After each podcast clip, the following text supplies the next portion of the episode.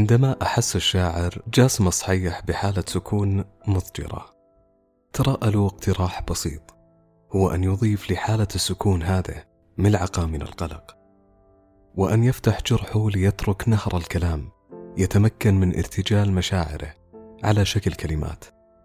تقوده بوصلة شعوره. يقول جاسم الصحيح بملعقة من القلق المحلى أحرك في دمي ضجرا مملا.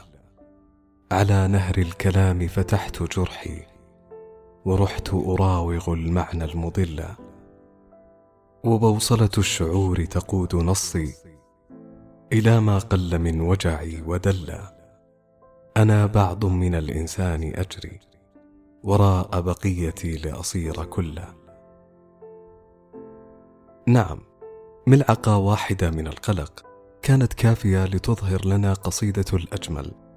ملعقة واحدة كافية لتزن أطنان من دواوين الشعر. وملعقتنا اليوم أيضا تزن ملايين بل مليارات من الأطنان. ملعقة النيوترون السابح في الفضاء. معكم أحمد الحربي صوتا وأنس بن حسين نصا. وحلقة جديدة من بودكاست زمكاني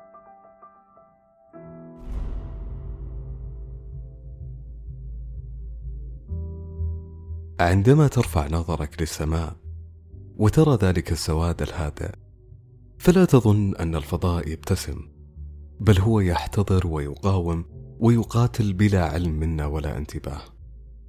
في الفضاء نجوم نيوترونية هي الأغرب والأطرف في سلوكها عبارة عن نواة ذرية يبلغ قطرها 15 كيلومترا. هذه الذرات عبارة عن فتات نتيجة لموت نجم عظيم الحجم.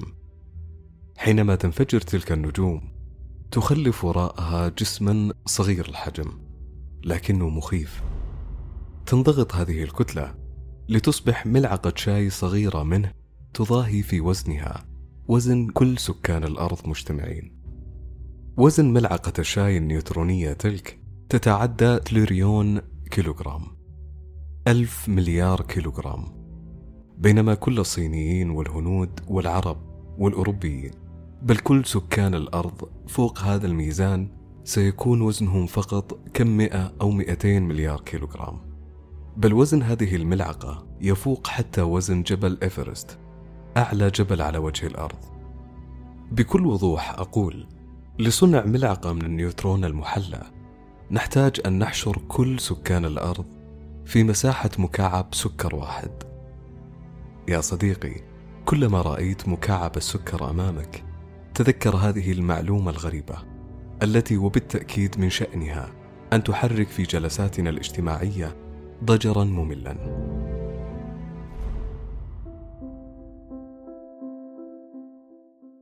أما قصة النجم النيوتروني فهي أكثر غرابة وهي تأكيد لكلامي لكم بأن الفضاء الهادئ المبتسم هو فضاء مغرر. لم أكن أبالغ فيما قلت. النجم في الفضاء قلق فعلا. بسبب الجاذبية الضخمة التي تضغط على نواته فينهار. يضغط هذا الانهيار على الإلكترونات والبروتونات لتندمج وتتحول إلى نيوترونات. وهذا هو سبب تسمية النجم بالنيوتروني. ما يحصل بعد ذلك هو شيء مخيف فعلا حيث لا يقتصر الانهيار على النواة. تنفجر النواة وتطلق كل ما في داخل النجم إلى الفضاء. الانفجار الذي يطلق عليه سوبر نوفا.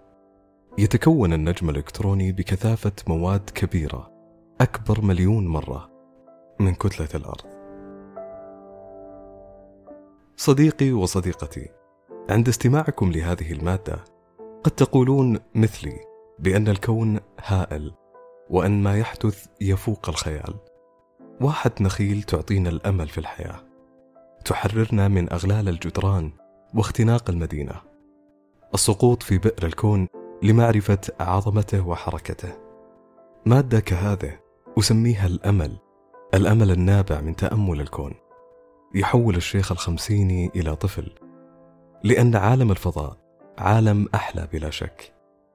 أو نختصر كل كلامنا ونقول قول شاعرنا الجميل جاسم الصحيح في قصيدته ملعقة القلق. يقول المعجبون بأن شعري يضاعف واحة الأحساء نخلا. يقول المعجبون ورب قول يحملني بحجم الوحي ثقلا.